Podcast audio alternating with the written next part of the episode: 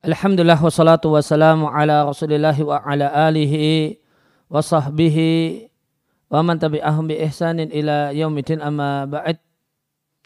Kaum muslimin dan muslimah rahimani wa rahimakumullah di kesempatan kali ini kita akan mulai membaca dan mentelaah ya, satu buku bertema adab ya, bagi penuntut ilmu yaitu buku Tazkiratus Sami' wal Mutakallim fil Adabil Alimi wal Muta'allim. Ya, mengingatkan asami orang yang mendengar yaitu murid wal mutakallim dan orang yang berbicara yaitu guru. Fi adabil alimi tentang adab menjadi guru, pengajar wal muta'allimi dan menjadi pelajar atau murid. Ya, kita akan baca sarah untuk kitab ini dan kitab ini Tazkiratus Sami ini karya Al-Alamah Badruddin Muhammad ibn Ibrahim ibn Jamaah Asy-Syafi'i yang wafat pada tahun 733 eh, Hijriah rahimallahu taala. Sedangkan sarah atau penjelasan untuk kitab ini ya kan kita baca dari sarahnya Syekh Saleh ibn Abdullah ibn Hamad al-Usaimi al-Usaimi hafizallahu taala wa wafaqahu.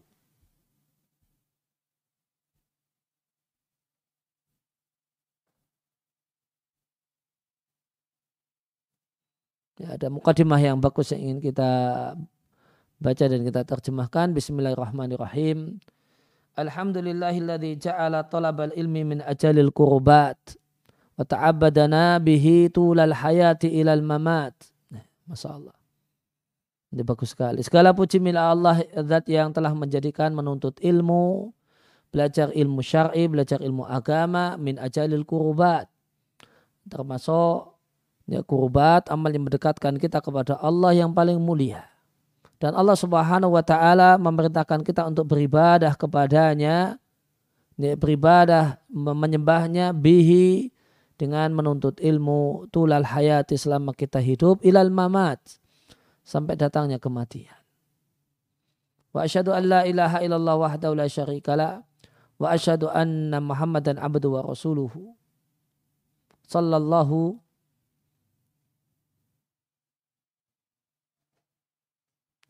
semoga Allah menyanjungnya dan memberikan keselamatan untuknya. Mastamarat selama masih terus menerus ada majelis at-ta'lim, majelis pengajaran ilmu agama.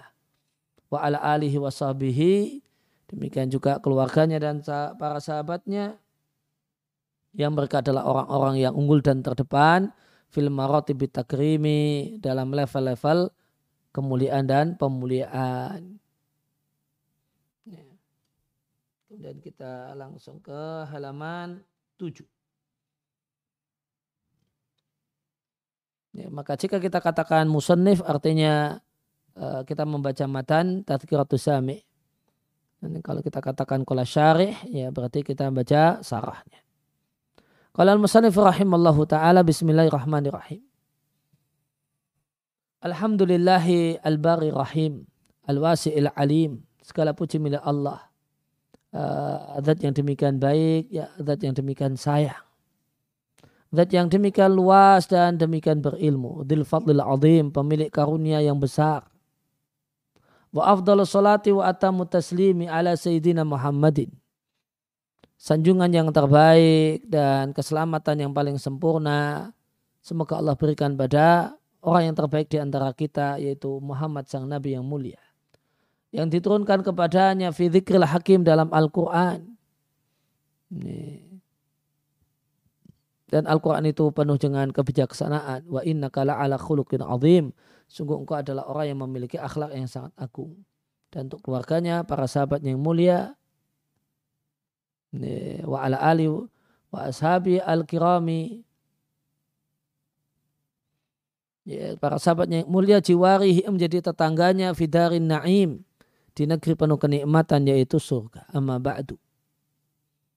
Fa inna min ahami ma yubadiru bi allabibu.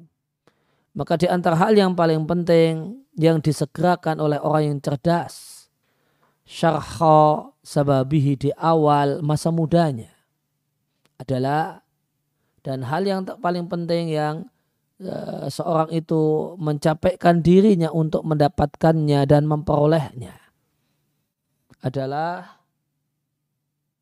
husnal adabi, adab yang baik, adab yang indah.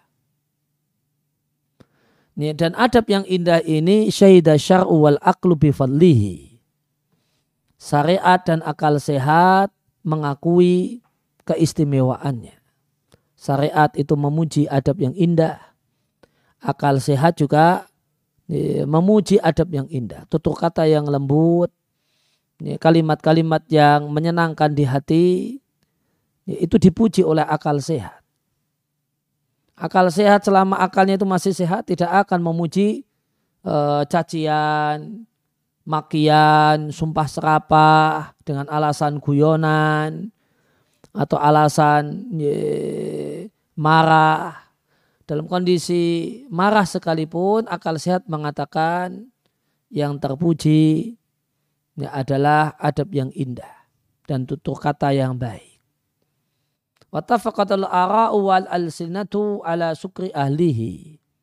Dan semua pendapat dan semua lisan, semua lidah sepakat akan memberikan apresiasi dan terima kasih kepada orang yang memiliki adab yang indah. Ini masalah ini tentang pentingnya adab yang indah. Ya, maka disampaikan bahwasanya adab yang indah itu hendaknya dimiliki oleh seseorang itu di awal masa mudanya. Dia telah membentuk dirinya dengan adab yang indah di awal-awal uh, di awal-awal masa mudanya ketika masa-masa umurnya masih kepala satu puluhan.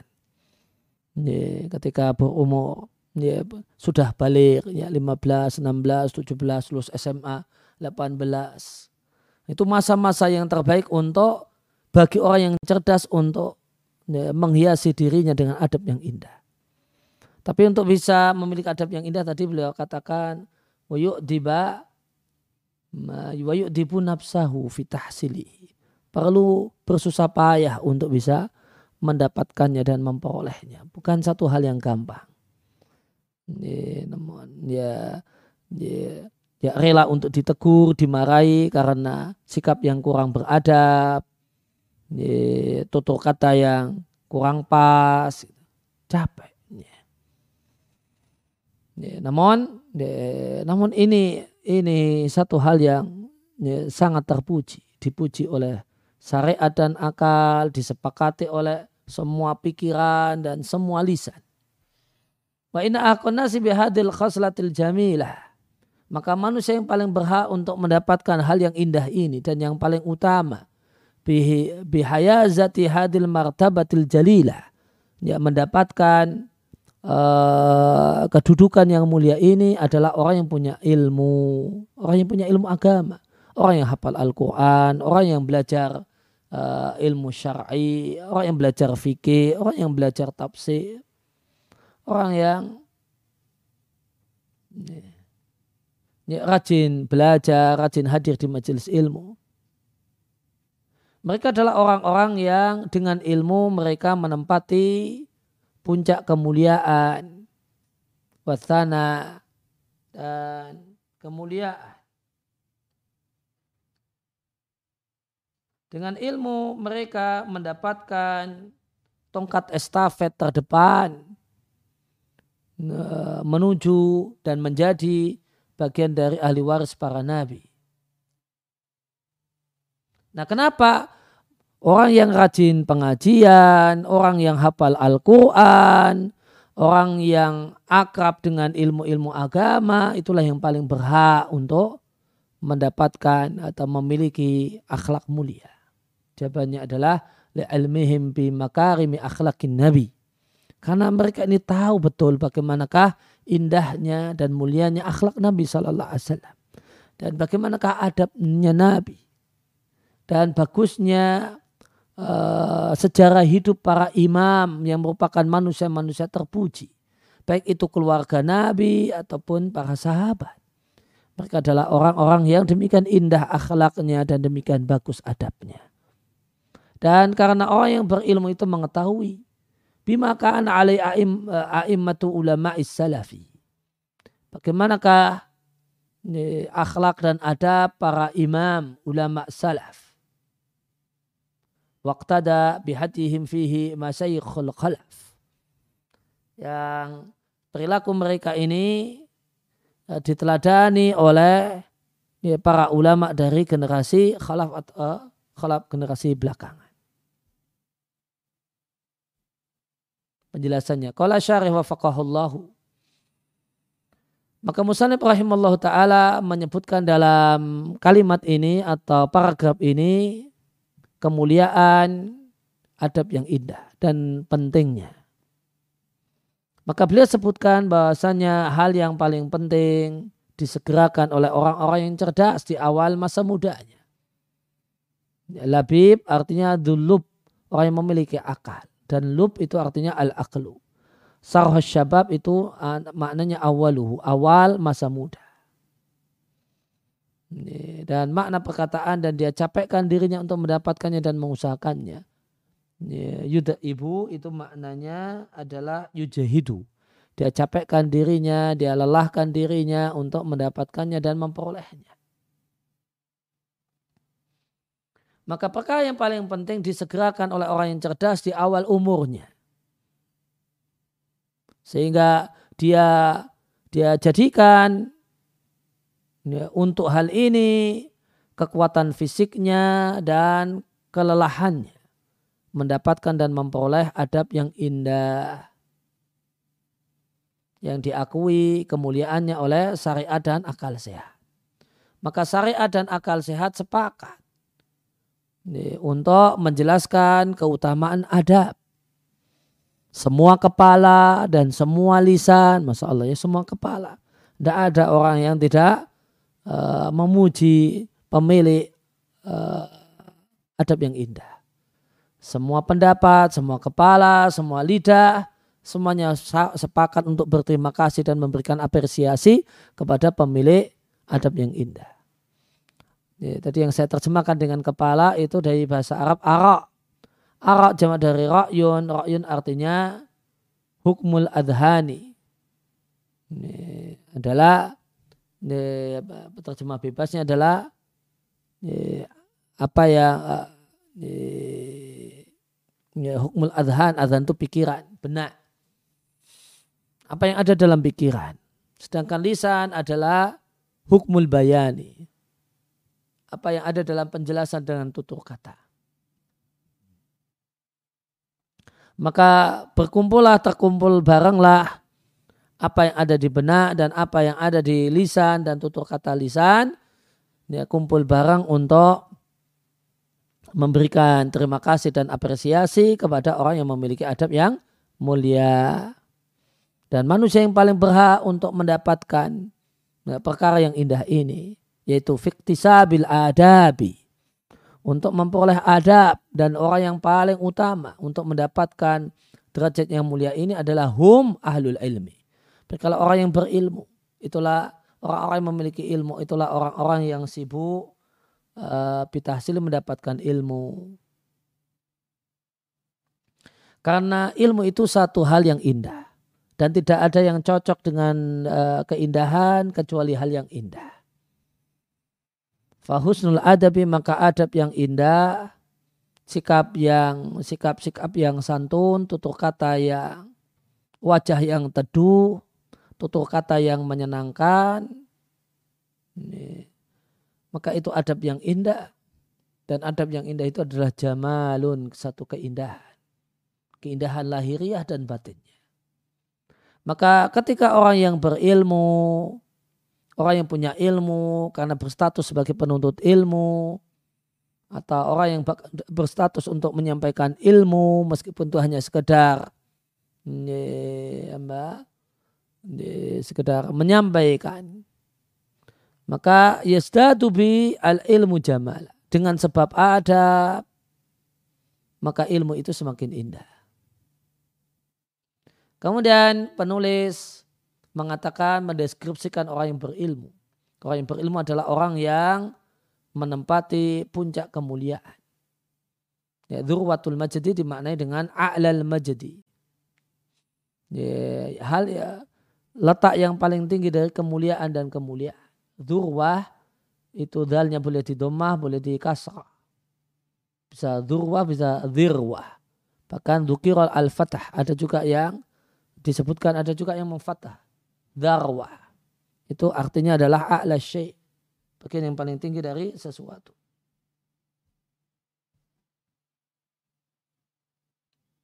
Ya, maka orang yang berilmu itu dengan sebab ilmu dia uh, menempati puncak kemuliaan. Ya, wasana dan puncak uh, keagungan.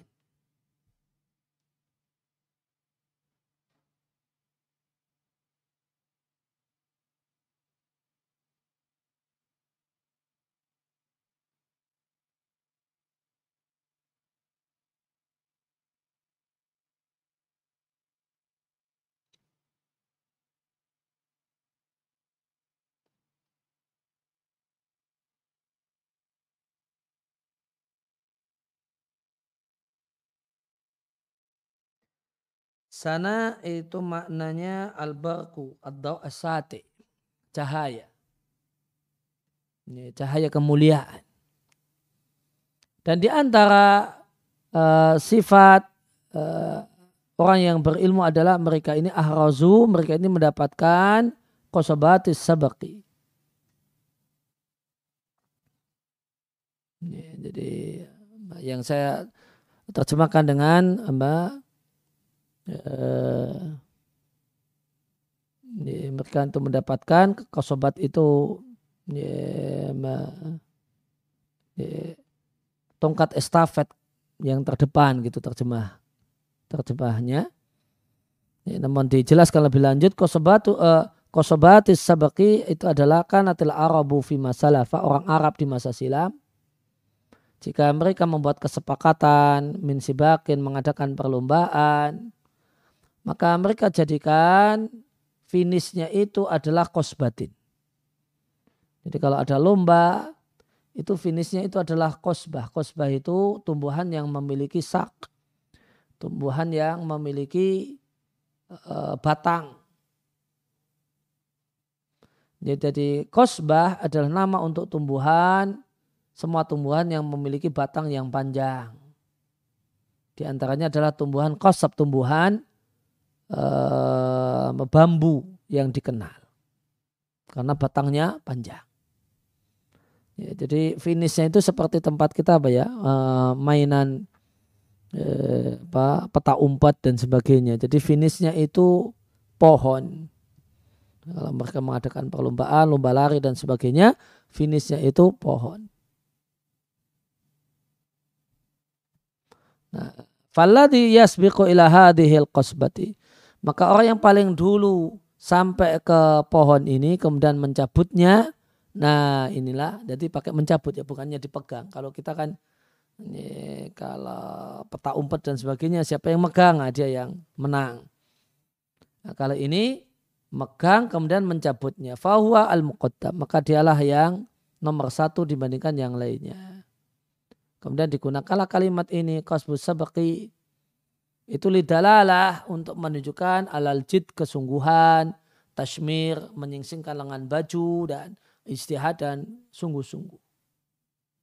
Misalnya ada kalimat fulanun mimman haza qasbas sabaki. Sabaki. Ya, dia adalah termasuk orang yang mendapatkan qasbas sabaki. Itu artinya takut dama ala ghairihi. Bisa kemudian menjadi nomor satu dibandingkan yang lainnya dengan kesungguhannya, dengan kerajinannya, rajinnya wa tashmirih dan karena dia menyingsingkan lengan bajunya. Maka orang yang berilmu dengan ilmunya, mereka berada dalam puncak kemuliaan dan puncak keindahan. Jadi bercahaya. Dan mereka mendapatkan a'zam sabak, keterdepanan nomor satu yang paling agung. Bima tahalau bihi dengan keindahan yang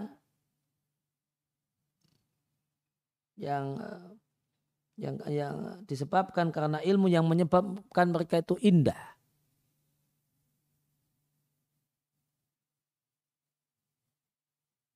berupa menjadi ahli waris para nabi. Karena ilmu agama, ilmu syar'i adalah warisan kenabian.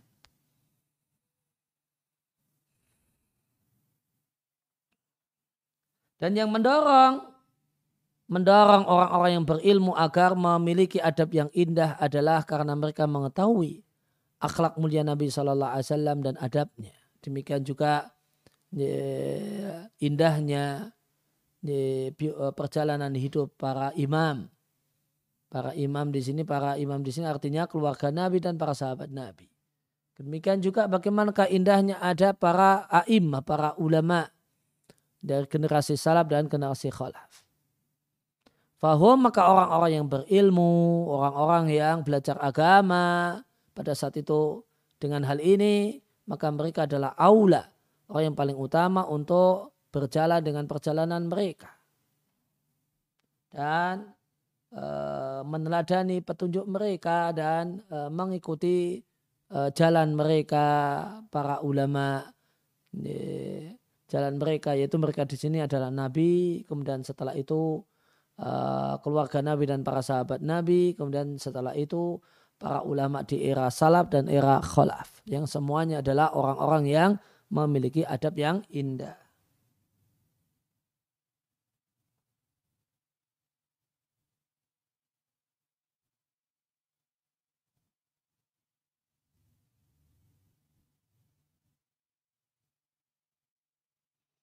Ya, demikian yang kita eh, kita baca di kesempatan pertemuan perdana untuk kitab Tazkiratus Sami wal Mutakalim ini wa sallallahu ala nabiyina Muhammadin wa ala alihi wa sahbihi wa salam wa akhiru da'wana anil hamdulillahi rabbil alamin. Subhanaka Allahumma wa bihamdika asyhadu an la ilaha illa anta astaghfiruka wa atubu ilaik.